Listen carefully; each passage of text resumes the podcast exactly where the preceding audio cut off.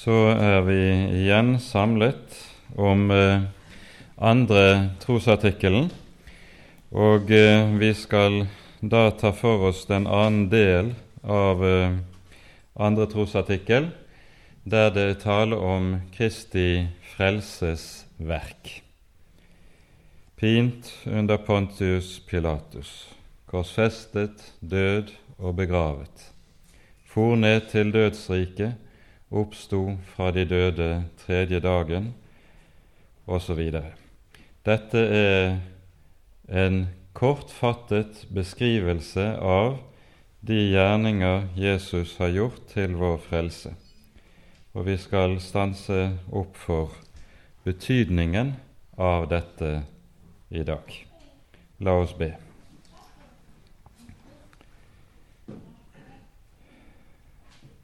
Kjære gode Gud og Hellige Far.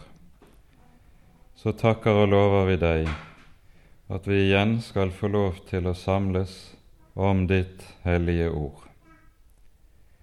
Nå ber vi, Herre, at du vil sende din gode Hellige Ånd og være til stede hos oss, og at du, Herre, vil åpenbare ordet ditt, så vi må få lov til å se din Sønn få lov til å se litt inn i hva Han har gjort for vår skyld, for at vi skulle få lov til å bli frelst.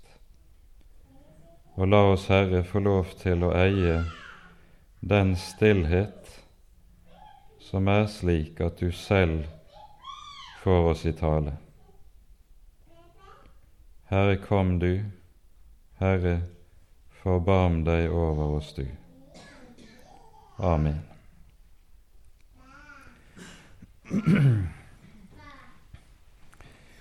Når vi skal tale sammen om Jesu frelsesverk, så er det kanskje ett ord eller ett begrep som er viktigere enn noe annet for å sammenfatte hva frelsesverket egentlig består i.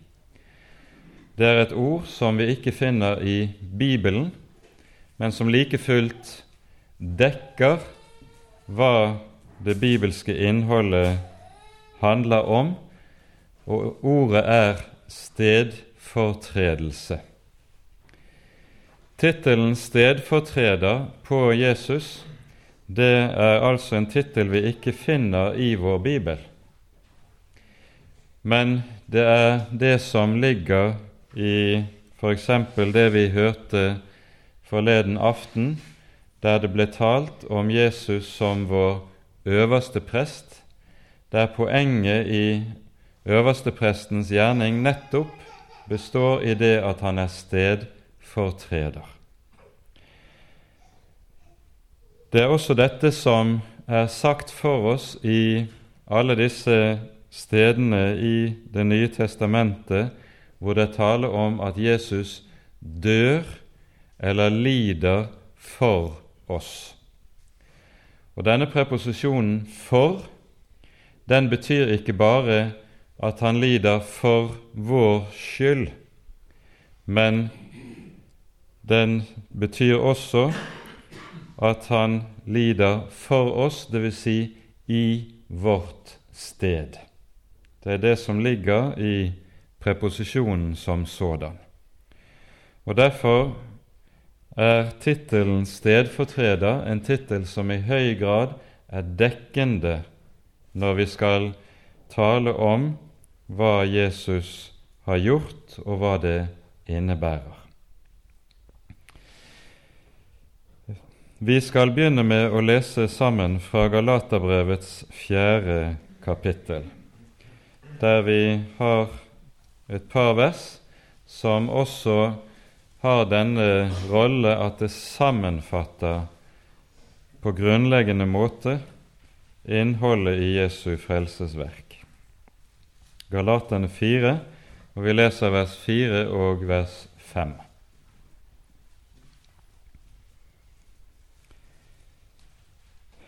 Da tidens fylde kom, utsendte Gud sin Sønn, født av en kvinne, født under loven, for at han skulle kjøpe dem fri som var under loven, for at vi skulle få barnekår.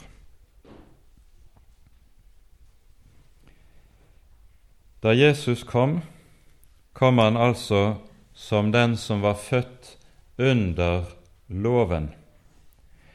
Og av den grunn omskjæres han også på den åttende dag, som alle guttebarn ble det i Israel. Omskjærelsen har nettopp dette som sitt hovedinnhold. Dermed legges en inn under loven. Og Derfor er det også slik at hele Jesu frelsesverk henger sammen med nettopp loven. Dette sier Jesus selv uttrykkelig i Matteusevangeliets femte kapittel i Bergprekenen, der Jesus etter å ha vært beskyldt for å ville oppheve loven med sitt evangelium, så sier han slik:" Dere må ikke tenke at jeg er kommet for å oppheve loven. Jeg er ikke kommet for å oppheve, men for å oppfylle. Kristi frelsesverk består i det å oppfylle loven. Og Derfor refererer hele Jesu frelsesgjerning seg til nettopp loven, og det på dobbelt måte. Både i den forstand at han skal oppfylle alle lovens krav. Derfor er Jesus den syndfrie. Og i den forstand at Jesus oppfyller eller gjør fyldest for alle lovens dommer. I den forstand er det Jesus lider i vårt sted. Og Dette skal vi nå se noe nærmere på.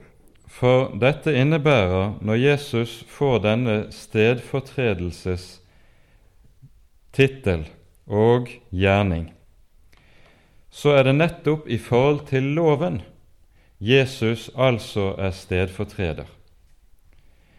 Og når Jesus her er stedfortreder, så er han det på den måten at han i sin gjerning, i sin plass og i sin betydning motsvarer en annen person i historien, nemlig Adam.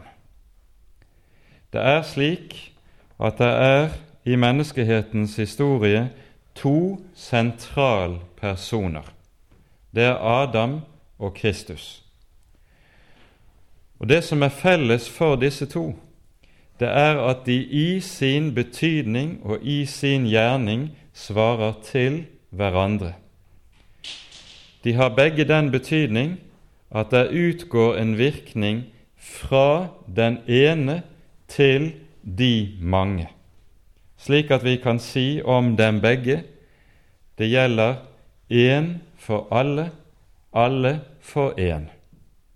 Dette gjelder for Adam, og det gjelder for Herren Jesus. Men den virkning som utgår fra disse to, den er altså stikk motsatt. Fra Adam skriver forbannelsen seg. Fra Kristus velsignelsen. Fra Adam kommer synden og døden. Fra Kristus rettferdigheten og livet. Det er en virkning fra disse to som altså er stikk motsatt. Men når det gjelder deres stilling i menneskeheten, så svarer de nøye til hverandre.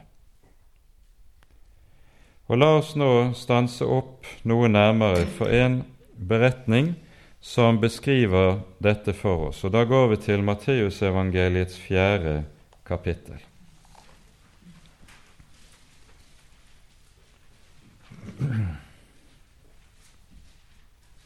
Her leser vi fra vers 1 til 11.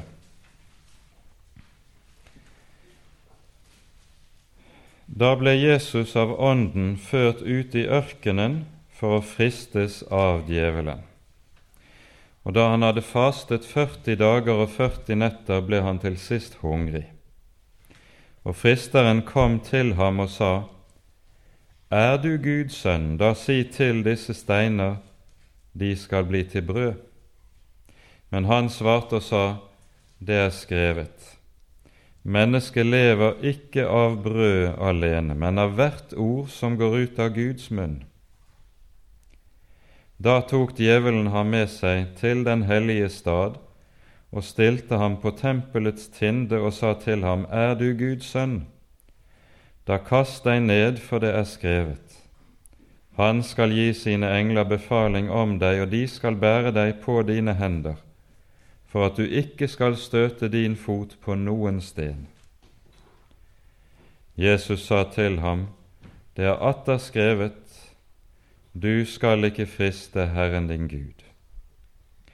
Atter tok djevelen ham med seg opp på et meget høyt fjell og viste ham alle verdens riker og deres herlighet, og sa til ham, Alt dette vil jeg gi deg hvis du vil falle ned og tilbe meg. Da sa Jesus til ham, Bort fra meg, Satan, for det er skrevet, Herren din Gud skal du tilbe, ham alene skal du tjene. Da forlot djevelen ham, og se, engler kom til ham og tjente ham. Denne beretningen er uhyre viktig dersom vi forstår dens betydning. For hele poenget i beretningen om Jesu fristelse er nettopp at Jesus her står som motsetning til Adam. Jesus er nettopp døpt i Jordan. Og Jesu dåp har jo den betydning at det er hans salvelse til hans gjerning som Messias det er hans innvielse til den offentlige Messiasgjerning. Og Derfor er det også slik at den første gjerning Jesus skal utføre når han skal begynne på sin gjerning som Messias, hva er det? Det er en gjerning som i betydning svarer nøyaktig til det som skjedde med Adam og Eva i haven. Like som de var satt i haven, og så fristes av djevelen, så skal Herren Jesus begynne sin gjerning med nettopp å fristes av djevelen. Og så har dette den betydning at der Adam og Eva faller, og i sitt fall drar hele menneskeheten med seg inn i fordervelsen. Der innebærer Jesus seier over djevelen her i ødemarken nettopp det motsatte. Adam og Eva begynner menneskehetens historie med et fall. Et fall som får de mest ødeleggende konsekvenser. Jesus gjør altså det stikk motsatte. Begynner sin gjerning med å beseire djevelen og hans fristelse. Og det er en rekke detaljer i denne beretningen som nettopp stiller Adam og Kristus likesom overfor hverandre. Adam ble fristet i hagen. I paradiset der han intet manglet. Herren Jesus fristes i ødemarken, der han mangler absolutt alt. Og i det står han nettopp som innbegrepet av en menneskehet som er under forbannelsen, så å si i ødemarken. Der skal han møte djevelen. Og så er en av fristelsene også slik at den svarer meget nøye til den fristelse som Adam ble utsatt for i ødemarken, For djevelen kommer jo til Adam med ordene 'Har Gud virkelig sagt?' Og så fordreier han Guds ord, søker å ødelegge og så tvil om Guds ord, for djevelen vet det. Kan han ødelegge menneskets forhold til Herrens ord, så ødelegger han også menneskets forhold til Herren selv. Og i den andre fristelsen gjør djevelen nøyaktig det samme. Han siterer Guds ord, men på en slik måte at han fordreier dets innhold, og ved det vil han altså søke å bringe Jesus til fall i forhold til Ordet. Men der Adam falt, der sto Jesus. Der Adam var ulydig, der var Jesus lydig. Og så begynner altså Jesus sin gjerning som vår frelser og som Messias, med en seier over djevelen, en seier over synden.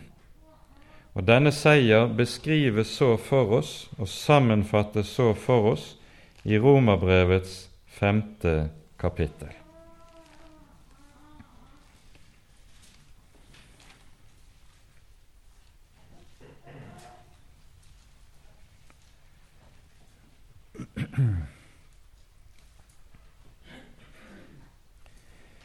Her har vi et helt avsnitt fra vers 12 av i kapittel 5 som handler nettopp om hvorledes Adam og Kristus svarer til hverandre. Vi leser ikke hele dette avsnittet, men nøyer oss med vers 18 og 19. Her trekker Paulus konklusjonen av det han har skrevet i det foregående, og sier så.: Altså, like som ens fall ble til fordømmelse for alle mennesker, således ble også ens rettferdige gjerning til livsens rettferdiggjørelse for alle mennesker.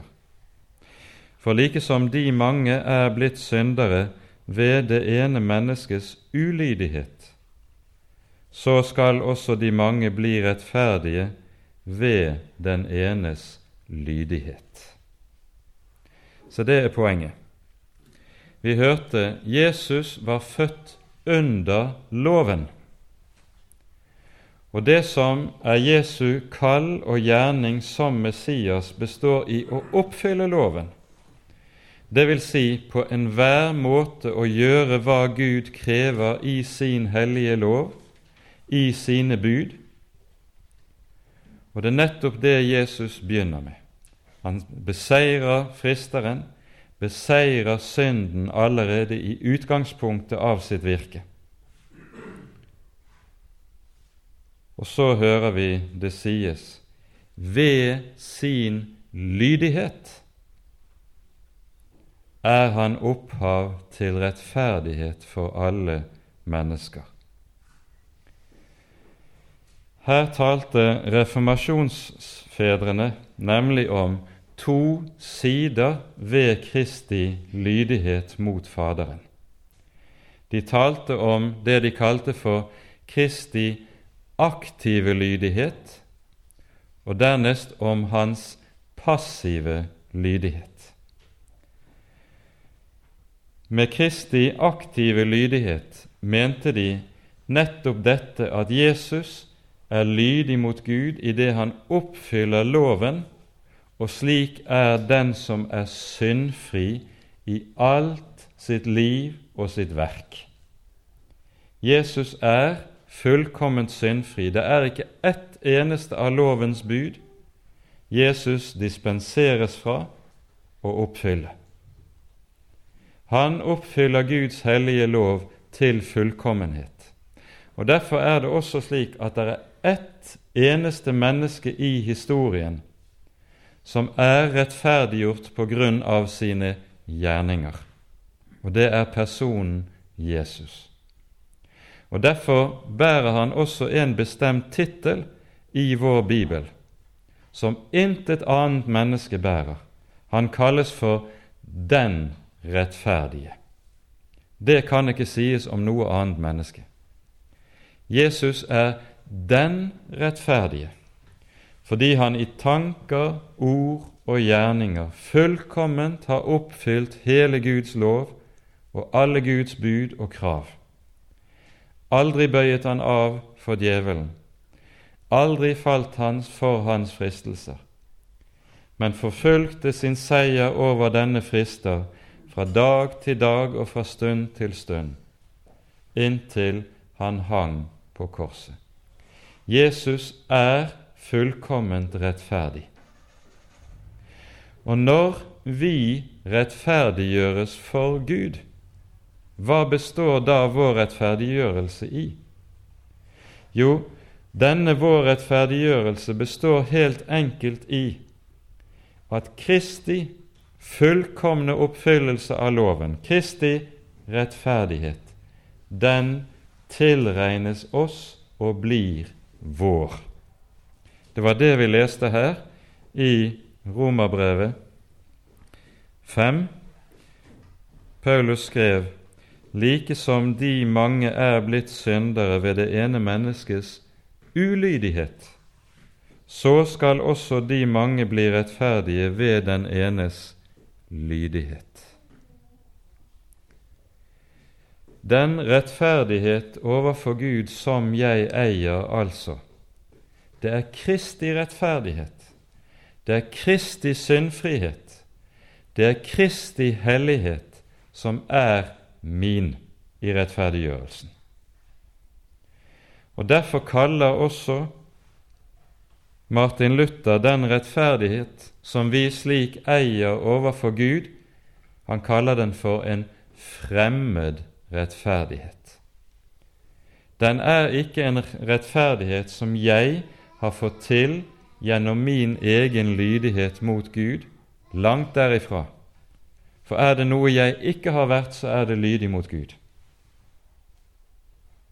Nei, Kristus har vært lydig, og det er hans lydighet som er min rettferdighet.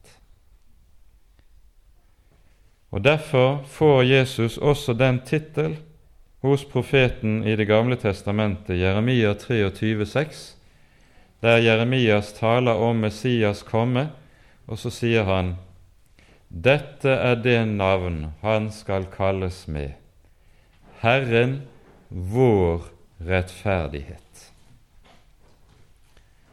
Og Dette er altså den store hemmelighet i troen, samtidig som vi her også finner det området der kristne mennesker stadig finner og møter anfektelse. For det som ligger så nær for oss som kristne, det er jo å se på oss selv. Vi ser inn i våre egne hjerter og på våre egne liv, og hva ser vi der? Vi ser i hvert fall ikke rettferdighet. Der ser vi ulydighet. Der ser vi halvhet. Der ser vi snusk og usannhet. Der ser vi urenhet og skammelige ting. Alt mulig som overhodet ikke stemmer med det å høre Gud til. Det finner du i ditt eget liv, det finner du i ditt eget hjerte. Og Da er det at anfektelsen kan komme og gjøre seg gjeldende, i det den sier kan du være en kristen sånn som du er? Så lenge som du har vært en kristen, så burde det jo være annerledes med deg enn det faktisk er. Og så kan djevelen peke på det ene og på det annet og på det tredje i livet mitt som slett ikke er som det burde være. Og djevelen har rett. Men saken er jo den min rettferdighet for Gud den er ikke noe jeg finner i mitt eget hjerte og i mitt, mitt eget liv. Den er ikke noe jeg kan opparbeide gjennom min lydighet, gjennom min kristendom, gjennom min helliggjørelse. Min rettferdighet for Gud består i noe som en annen har gjort, og han har gjort det i mitt sted. Det er hemmeligheten. For dette er altså en del av Jesu frelsesgjerning. Han har også oppfylt hele Guds lov i mitt sted. Også Jesu lydighet i livet gjelder for meg. Vi frelses, sier derfor Skriften, ikke bare ved Kristi død, men like meget ved Kristi liv.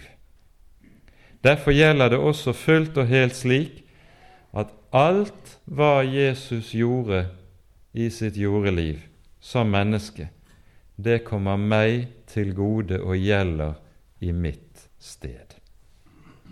Dette er det at apostelen taler om i, litt tidligere i Romane 5. Der står det slik i vers 10.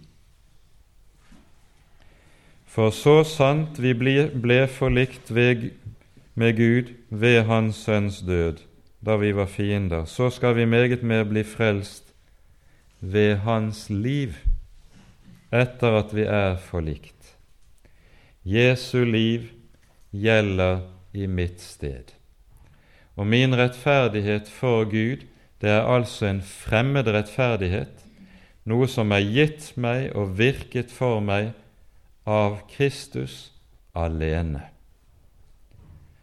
Og her er den levende Gud brennende nidkjær.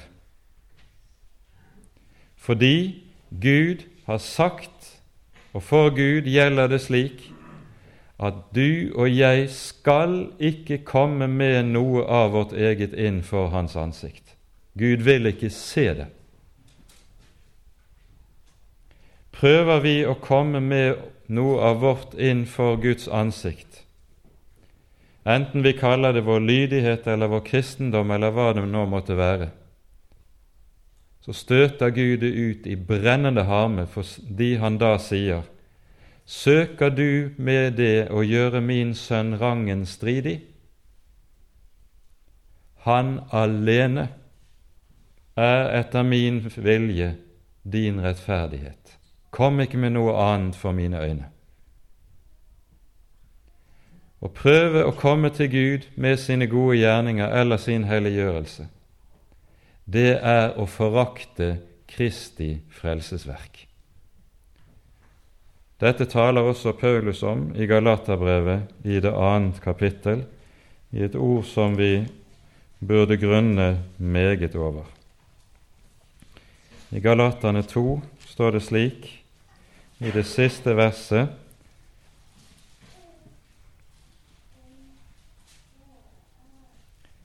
Jeg akter ikke Guds nåde for intet, for er rettferdighet å få ved loven, da er altså Kristus død forgjeves. Prøver du å komme med noen som helst oppfyllelse av Guds hellige lov, da sier du egentlig om Jesus du trengte ikke å dø for min skyld. Det vil ikke Gud vite noe av for sitt ansikt. Derfor er det intet som er noen større synd i Guds øyne enn nettopp det vi kaller for lovgjerninger. Og Derfor er det ingenting som mer effektivt stenger et menneske ute fra Guds ansikt og fra Guds rike enn nettopp lovgjerninger. For i Guds øyne og for Guds ansikt gjelder utelukkende én sak det Hans Sønn har gjort. Han er av Gud innsatt til å være din og min stedfortreder. Og det er det eneste som gjelder i Guds øyne. Det er hva Sønnen har gjort. Ingen annen rettferdighet duger. Denne Kristi rettferdighet den er altså og består i Jesu oppfyllelse av Guds hellige lov, og det kalte reformatorene altså Kristi aktive lydighet. Hva mente de så når de talte om Kristi passive lydighet? Jo, da talte de om hans lidelse. For når det taler om Kristi lidelse, da er det jo ikke tale om noe Jesus aktivt gjør.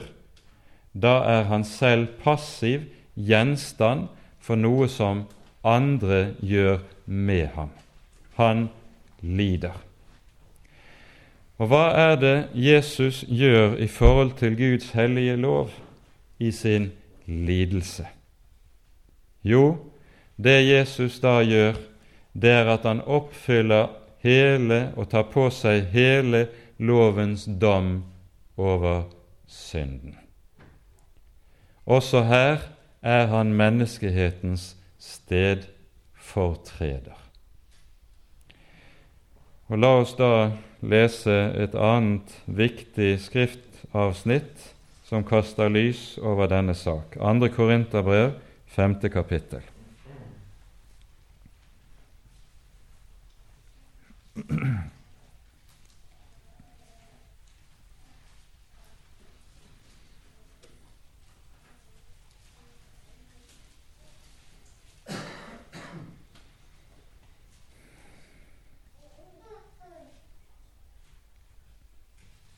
Vi leser her fra vers 18 til 21. Men alt dette er av Gud, som forlikte oss med seg selv ved Kristus og ga oss forlikelsens tjeneste. Fordi Gud i Kristus forlikte verden med seg selv, så han ikke tilregner dem deres overtredelser og har nedlagt i oss ordet om forlikelsen så er vi da sendebud i Kristi sted, som om Gud selv formante ved oss. Vi ber i Kristi sted, la dere forlike med Gud. Han som ikke visste av synd, har Han gjort til synd for oss, for at vi i ham skal bli rettferdige for Gud. Her er det ett ord som dukker opp flere ganger, og det er ordet 'forlike' eller 'forlikelse'. Det er et ord som i det greske språket egentlig kommer av en stamme som betyr å veksle eller å bytte. Det kan brukes f.eks. om det pengevekslerne driver med, eller altså å bytte.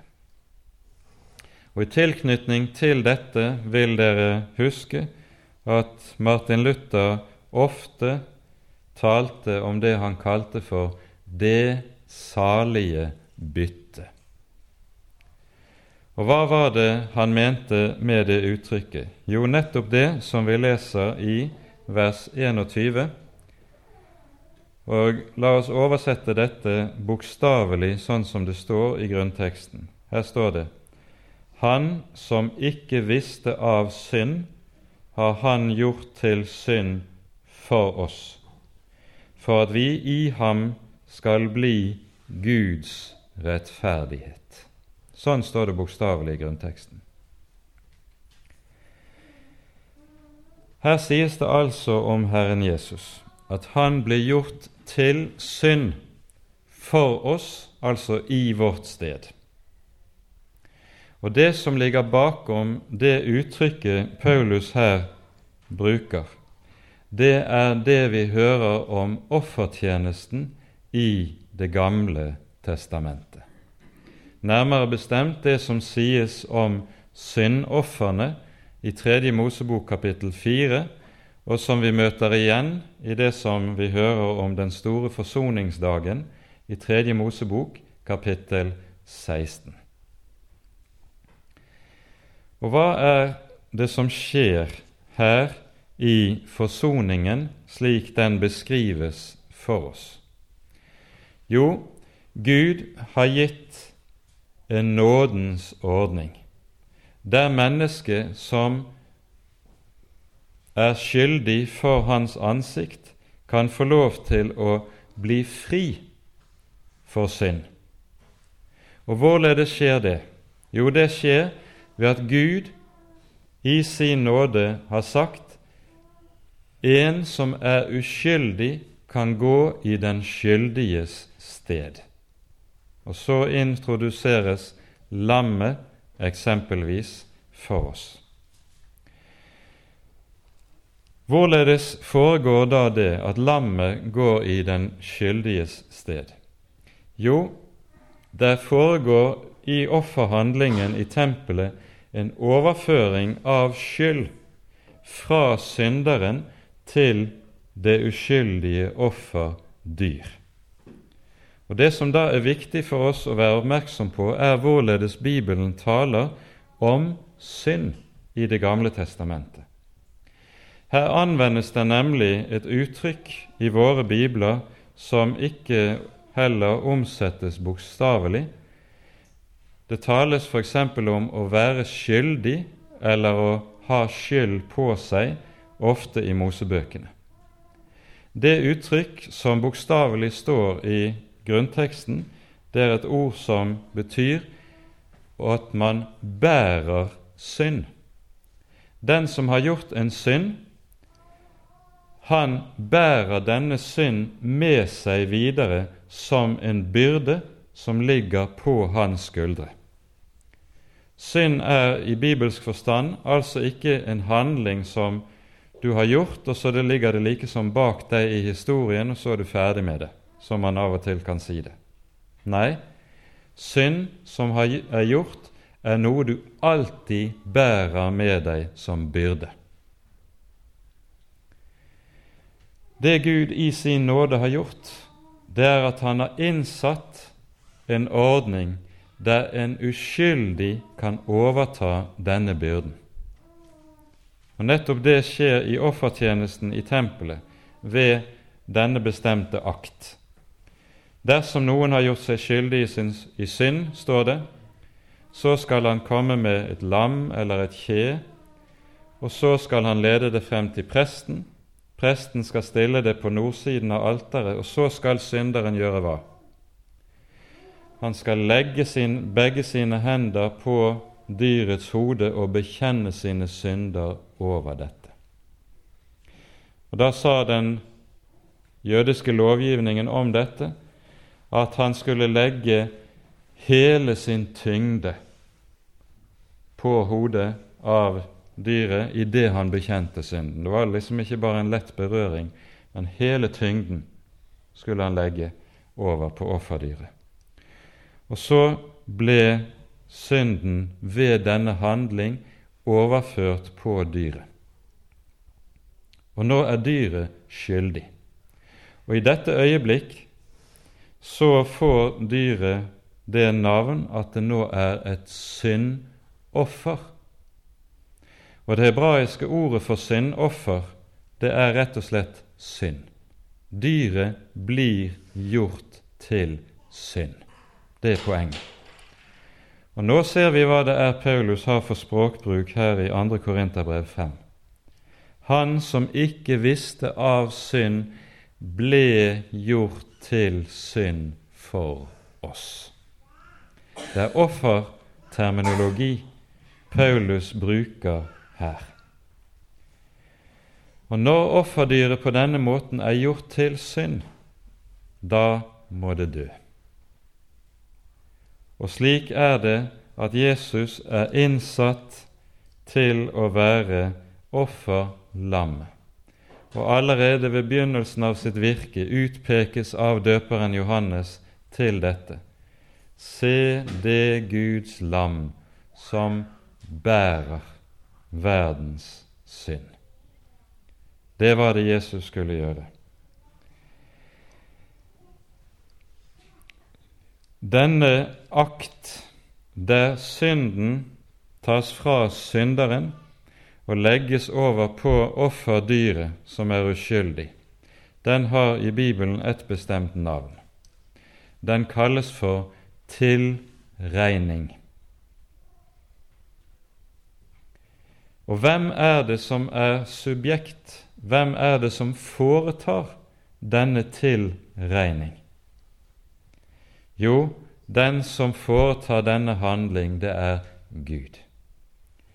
Gud gjør altså i sin nåde her den handling at han tar fra meg syndens byrde, legger den på det uskyldige lam, tilregner det, og dette er det Gud som gjør, det er ikke du og jeg.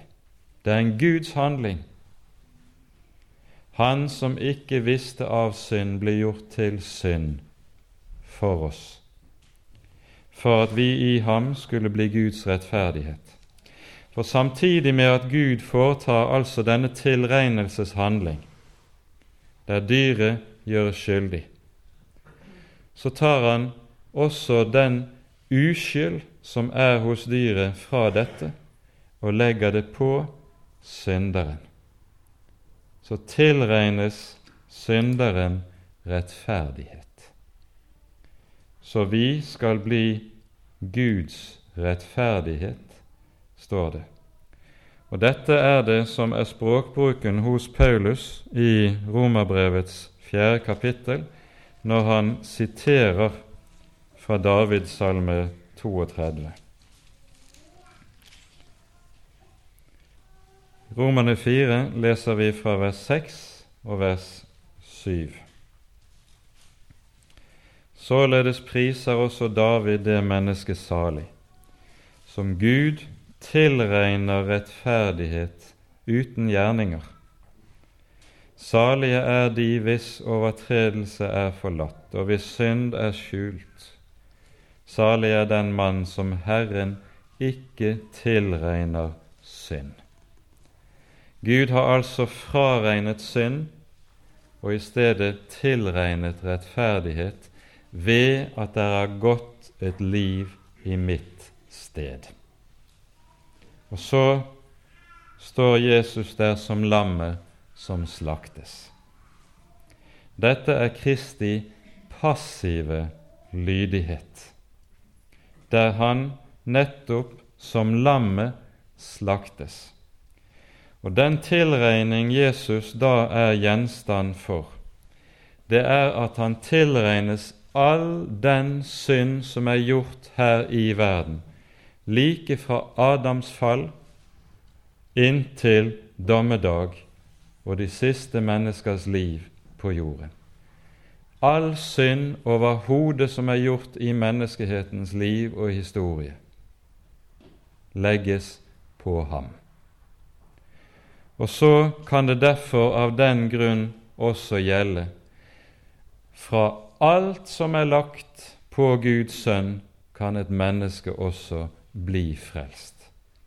Er det noe som ikke er lagt på ham, så kan vi heller ikke frelses fra det. Men derfor er det også Skriften understreker med så stor klarhet Se det Guds lam som bærer all verdens synd. Og bærer han all verdens synd, så kan han også frelse fra all verdens synd. Hvor stor den enn måtte være, hvor grov den enn måtte være, hvor dypt mennesket enn måtte være falt i nedrighet og de mest avskyelige ting som mennesker kan gjøre seg skyldig i. Fra alt er vi fri, for Han har tatt det på seg alt sammen. Han henger der på korset som om han var den eneste morder, den eneste ildgjerningsmann, den eneste horkarl, den eneste barnemishandler i verden. Han henger der og har båret alt, uansett hva det er for noe, og bærer Guds dom over det alt sammen. For dette er jo innholdet i Kristi død på korset. Når han lider slik, så er det Guds egen vrede over synden han bærer. Den vrede som loven truer enhver synder og all synd med. Det er denne lovens vredesdom Jesus tar på seg idet han henger der på treet. Derfor er det vi leser som vi gjør i Galaterbrevets tredje kapittel.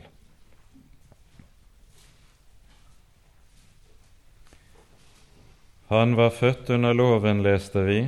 I Galaterne 3, vers 13 står det slik om hva han så gjør under loven. Kristus kjøpte oss fri fra lovens forbannelse, idet han ble en forbannelse for oss. For det er skrevet:" Forbannet er hver den som henger på et tre. Forbannelsen er den forbannelse Gud truer all synd og ethvert lovbrudd med. Denne forbannelse rammer Guds sønn. Og denne forbannelse rammer Guds sønn for at du og jeg skal gå fri. Han er stedfortreder. Jesus fikk ingen lettelse i dommen for at du og jeg skal gå fri fra all dom. Jesus ble ikke spart for noe i dommen, for at du og jeg i stedet skal spares for alt og gå fullkomment fri. Og Slik er det altså at Skriften, når den taler om Jesu gjerning som vår stedfortreder og hans lydighet, ikke bare taler om hans aktive lydighet, at han oppfyller loven i vårt sted, det ville ikke være nok. For om Jesus aldri så meget hadde oppfylt loven for vår skyld, så ville jo synden likevel være der og ligge der på våre skuldre og på våre samvittigheter. Den må også tas bort. Og så er Kristi frelsesgjerning fullkommen idet han på denne måten både stedfortredende oppfyller lovens krav og lovens dommer. Og så kan spotterne som står rundt korset, på underlig vis tale profetisk og tale sant. Andre har han frelst, seg selv kan han ikke frelse. Hadde han kunnet frelse seg selv, så hadde ikke vi kunnet gå fri. Men så døde han, frelste ikke seg selv, og så kan vi gå fri for hans skyld. Jesus er stedfortrederen. Og På denne måten er det altså at Herren Jesus svarer til Adam og gjør godt alt hva Adam ødela og forbrøt. Og Da slutter vi med å minne om ordene i 1. Korinterbrev 15. kapittel, Det er nettopp denne parallell mellom Adam og Kristus dukker opp igjen. Vi leser fra vers 47.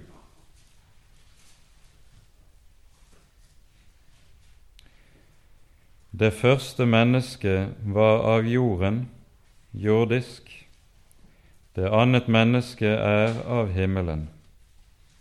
Sådan som den jordiske var, så er òg de jordiske.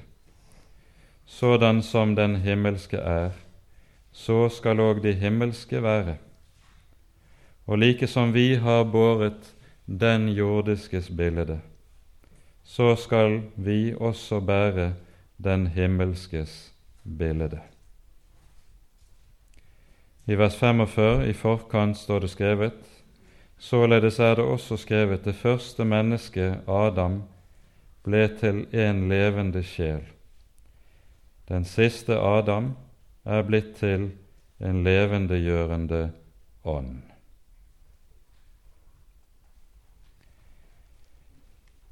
Vi har båret Adams bilde, så er Jesus blitt vår stedfortreder, og nå skal vi bære hans bilde.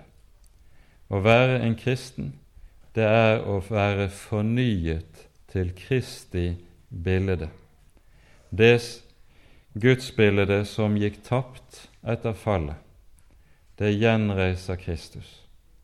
Det paradis som vi ble vist ut av i fallet, det er åpnet opp igjen ved Kristus. Den himmel som ble lukket og stengt på grunn av synden, den er åpnet igjen på grunn av Kristi rettferdighet. Alt har Han gjort vel. Amen. Ære være Faderen og Sønnen og Den hellige ånd, som var og er og være skal, en sann Gud, høylovet i evighet. Amen. Ja, er det ikke mange som har grunn til takk?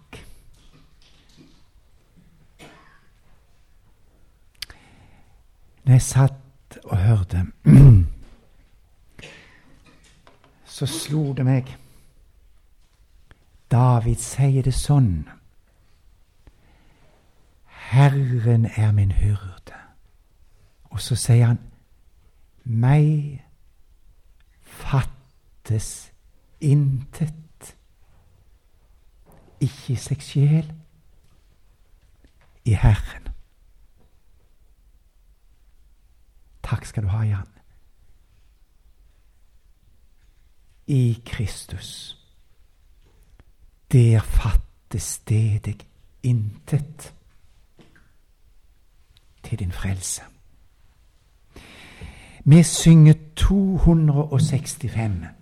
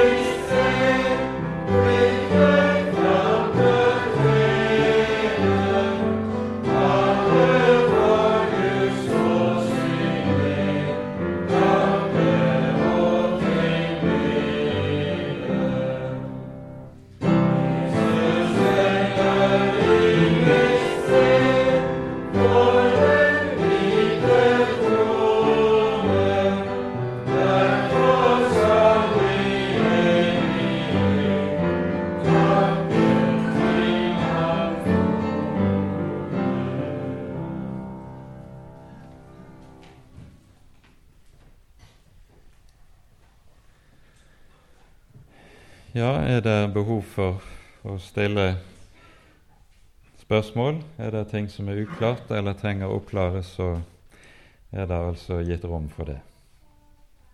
Så vær så god.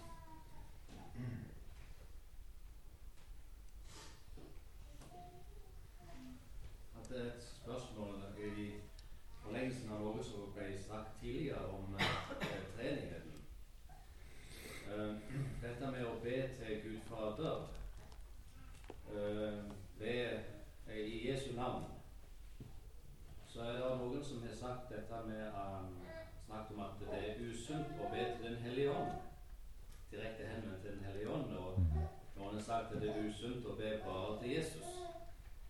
skal be til Faderen i Jesu navn, og så er Den hellige ånd som skal liksom virke. Mm. Men uh, alle tre er jo Gud, og det er én Gud. Mm. Og i uh, salmeskatten så henvender vi oss til alle tre forskjellige anledninger.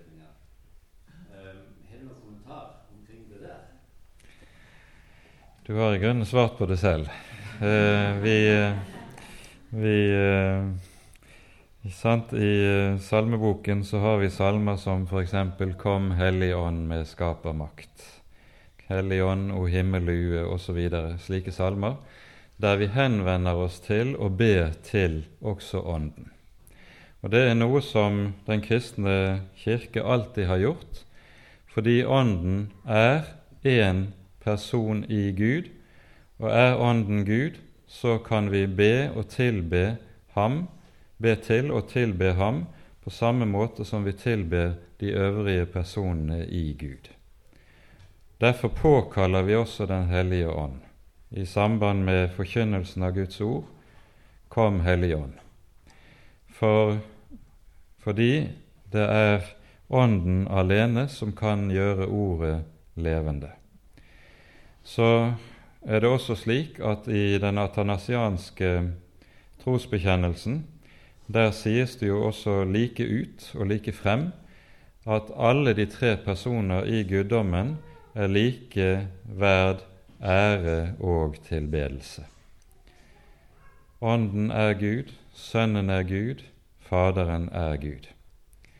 Når jeg nevnte dette om uh, bønnen som vi har i kollektbønnene, at det er en bønn der hele treenigheten er med i bønnelivet, så tror jeg at eh, disse bønnene som vi slik har i kollektbønnene, det er en type mønsterbønner som skal hjelpe oss og øve oss i dette at det kristne liv er et liv i og et samliv med den treenige Gud.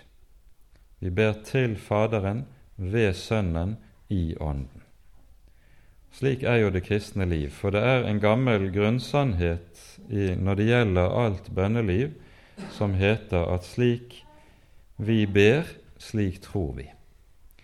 Du kan lese ut av hvordan et menneske ber, også hvordan det tror, og hvordan troslivet er.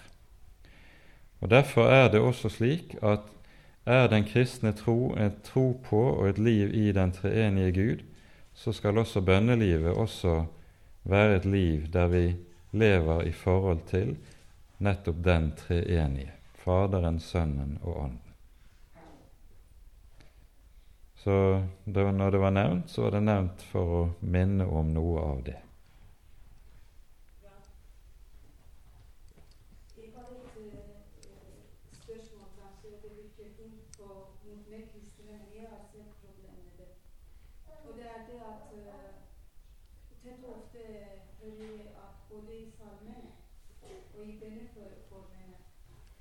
Spesielt når det er personlig bønn, at vi ber om at Den hellige ånd vil komme og jeg føler på en måte det blir ikke riktig, for uh, som et kristent menneske så har jeg uh, Helligånd i mitt hjerte.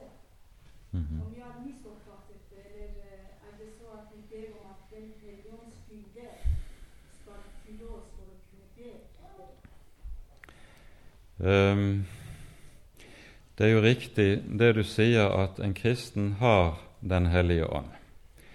Og fordi Ånden er en person og ikke bare en kraft, slik som eh, Ånden ofte blir omtalt, så kan et menneske ikke ha mer eller mindre av Ånden.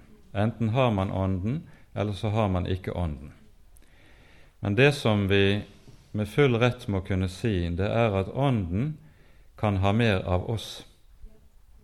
Og det er jo det vi dypest sett ber om når vi ber om at Den hellige ånd må komme. For her er det også slik at eh, det er med det kristne liv som med alt liv overhodet.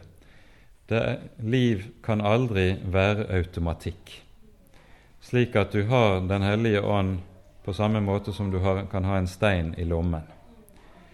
Alt liv må være slik at det stadig fornyes og får ny næring.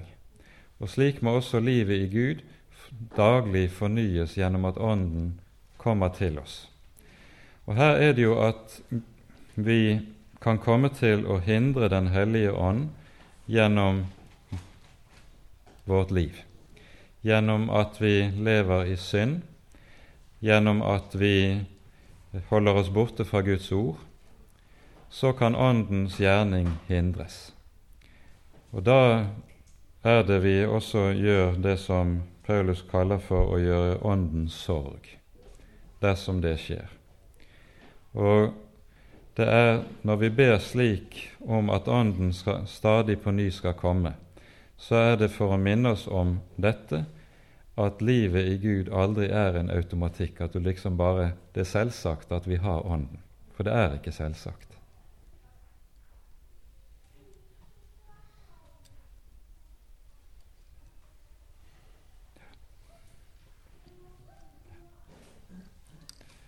I flere av de sitatene du har nevnt i dag, så står det om eh, Gud og Kristus.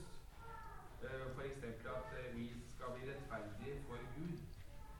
Eh, og så lurer jeg på Gud, er det da Gud Fader, eller er det hele treenigheten?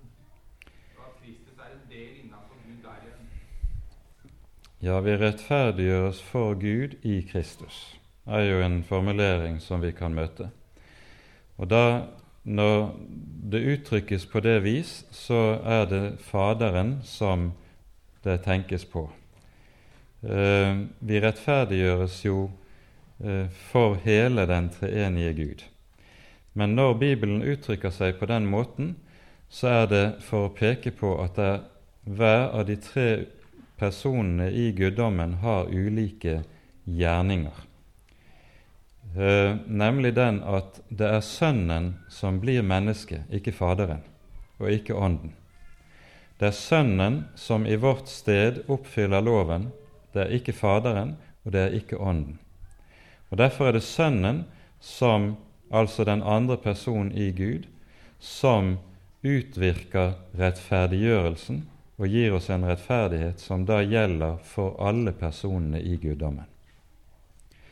Slik kan det også sies at Sønnen er vår talsmann i betydningen at Sønnen taler vår sak for Gud.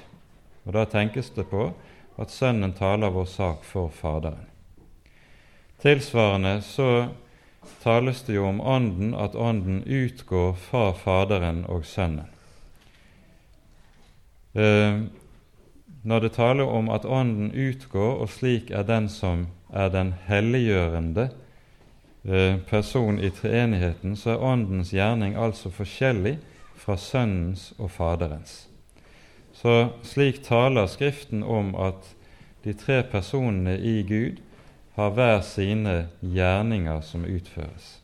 Dypest sett er alle de tre personer i guddommen med i dette, men altså det var ikke Faderen som ble født i kjød, det var Sønnen. For å peke på det mest, det som er tydeligst i den sammenheng. Wenche? Hvilken funksjon har det at Kristus blir kalt den siste Adam? De uttrykkene første og den siste Adam har jeg aldri fått. Ja, poenget her er jo nettopp det at disse to står der i motsetning til hverandre. Der eh, Jesus, Adam, står der som begynnelsen til menneskeheten, og som drar menneskeheten med seg i fallet, mens Kristus er den som eh, er drar menneskeheten opp igjen og fører menneskeheten til målet. Og så står det i Jobbs bok om forløseren slik Dette ordet i kapittel 19. Jeg vet at min gjenløser lever. Og så står det i neste setningen som den siste skal han stå frem på støvet. Han er den siste. Og det er tilknytningen til dette at han også kalles den siste. Eh, noe av tanken som også ligger bakom dette, er det som vi hører om i Daniels bok i kapittel 7, der vi hører om eh, den eldgamle av dage som sitter på tronen, og så blir det ført frem for ham en som lignet en menneskesønn, og han ble gitt makt og myndighet og velde og herredømme. Det er Daniel 7, 13 og 14. Og Der er poenget også det at denne menneskesønnen er historiens siste som sluttfører historien. Dvs. Si den som fører menneskeheten til det som er dens mål.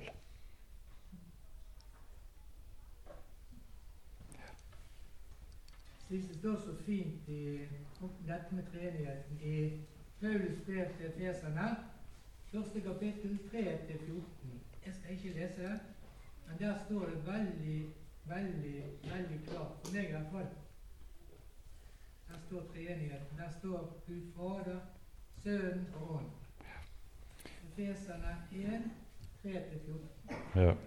Og Du møter tilsvarende steder mange andre sammenhenger i Det nye testamentet der de ulike personene i treenigheten omtales i sin gjerning. Kan se også Feserne 4, f.eks., fra vers 4 til 6. 1. Korinterbrev 12, fra vers 4 til 6. 1. Peters brev, kapittel 1, vers 2 og 3, og så lignende der du møter de tre ulike personene i treenigheten etter deres gjerning. Og Da er poenget i alle disse versene at alle tre personene i guddommen virker med og sammen i den enkelte kristnes og i menighetens liv.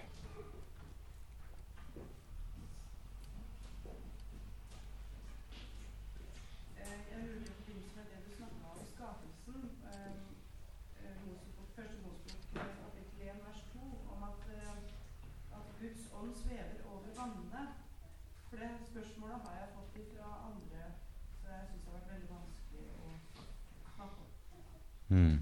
Ja, hva spør du om?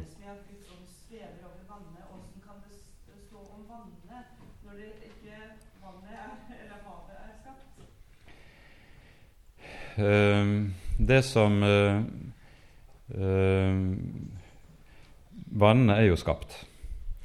Uh, for det vi ser i de første versene her i skapelsesberetningen, det er jo at Gud skaper så å si i begynnelsen universet som totalitet. Men dette univers foreligger enda som et uordnet kaos, slik at det som skjer de videre skapelsesdagene, det er at Gud så griper inn og har en ordnende gjerning. F.eks. den første gjerning som kommer, han skaper lyset. Og når lyset er skapt, så står det 'han skiller lyset fra mørket'. Neste skapelsesdag det skapes en hvelving i vannene som skiller vannet over hvelvingen fra de som er under hvelvingen. Og hvelvingen er jo da et uttrykk for det vi kaller for atmosfæren, som liksom er hvelvingen over våre hoder. Så vannene ligger der allerede som en del av opphavet så, som det første som er skapt. Ja, Det tror jeg ikke vi kan uh, svare fullt ut hva som ligger i det. Det ordet som brukes i den hebraiske grunnteksten for å sveve, det er et ord som ellers i Bibelen anvendes som fugler som slår med vingene. Uh, og da har vi jo duen i, som kommer ned i Jesu dåp, som ligger der umiddelbart bakom eh, dette. Men det som eh, vi må se som eh, helt ufrakommelig, er at når Ånden omtales slik, så er det fordi Ånden er med i skapelsen som medskaper.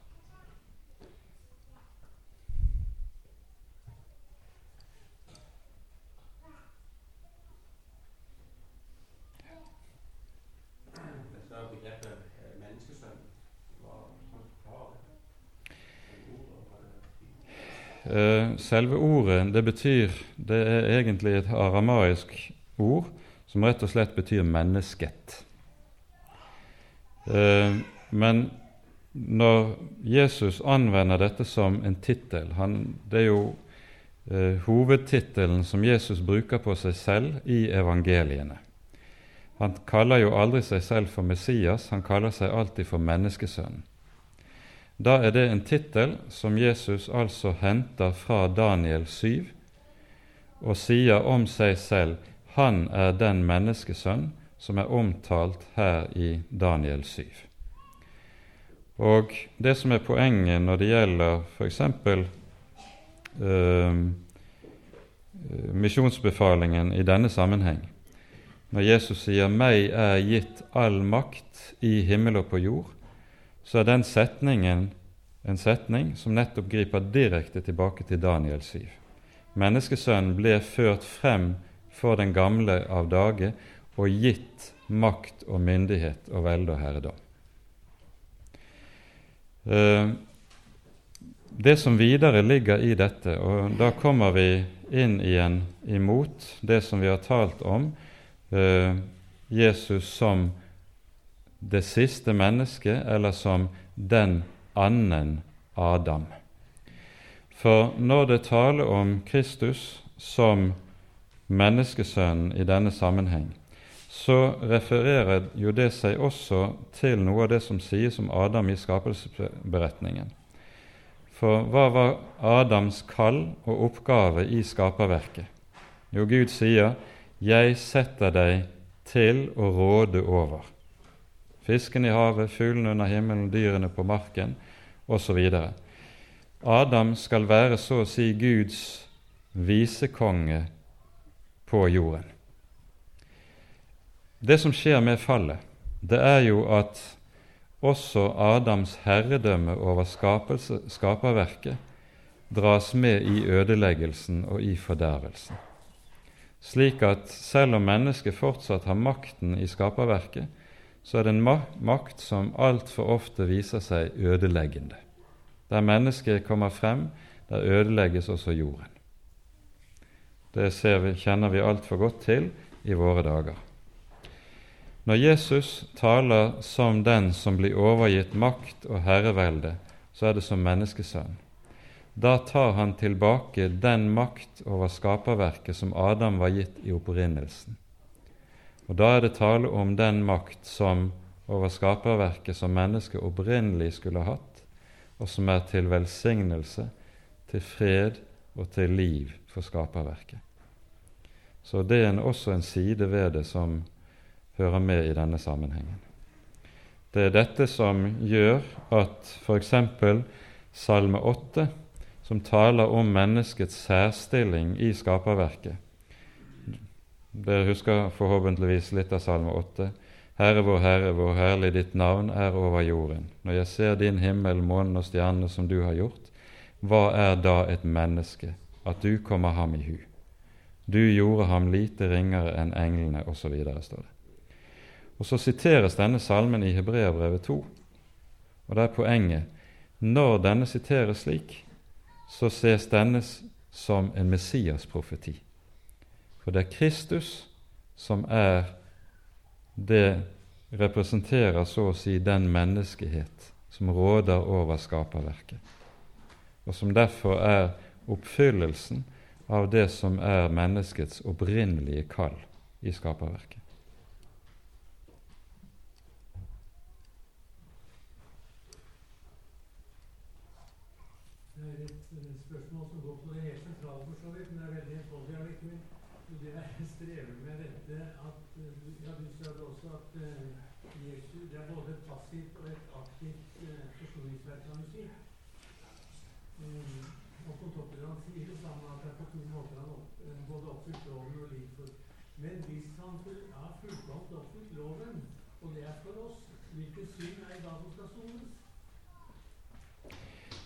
Han, det han gjør, det er at han oppfyller den lov som vi ikke har oppfylt. Og så, i soningen, så soner han den synd som vi faktisk har begått. Så Jesus tar så å si begge loven etter begge sine sider, dens positive side etter dens krav, den negative side etter dens dommer.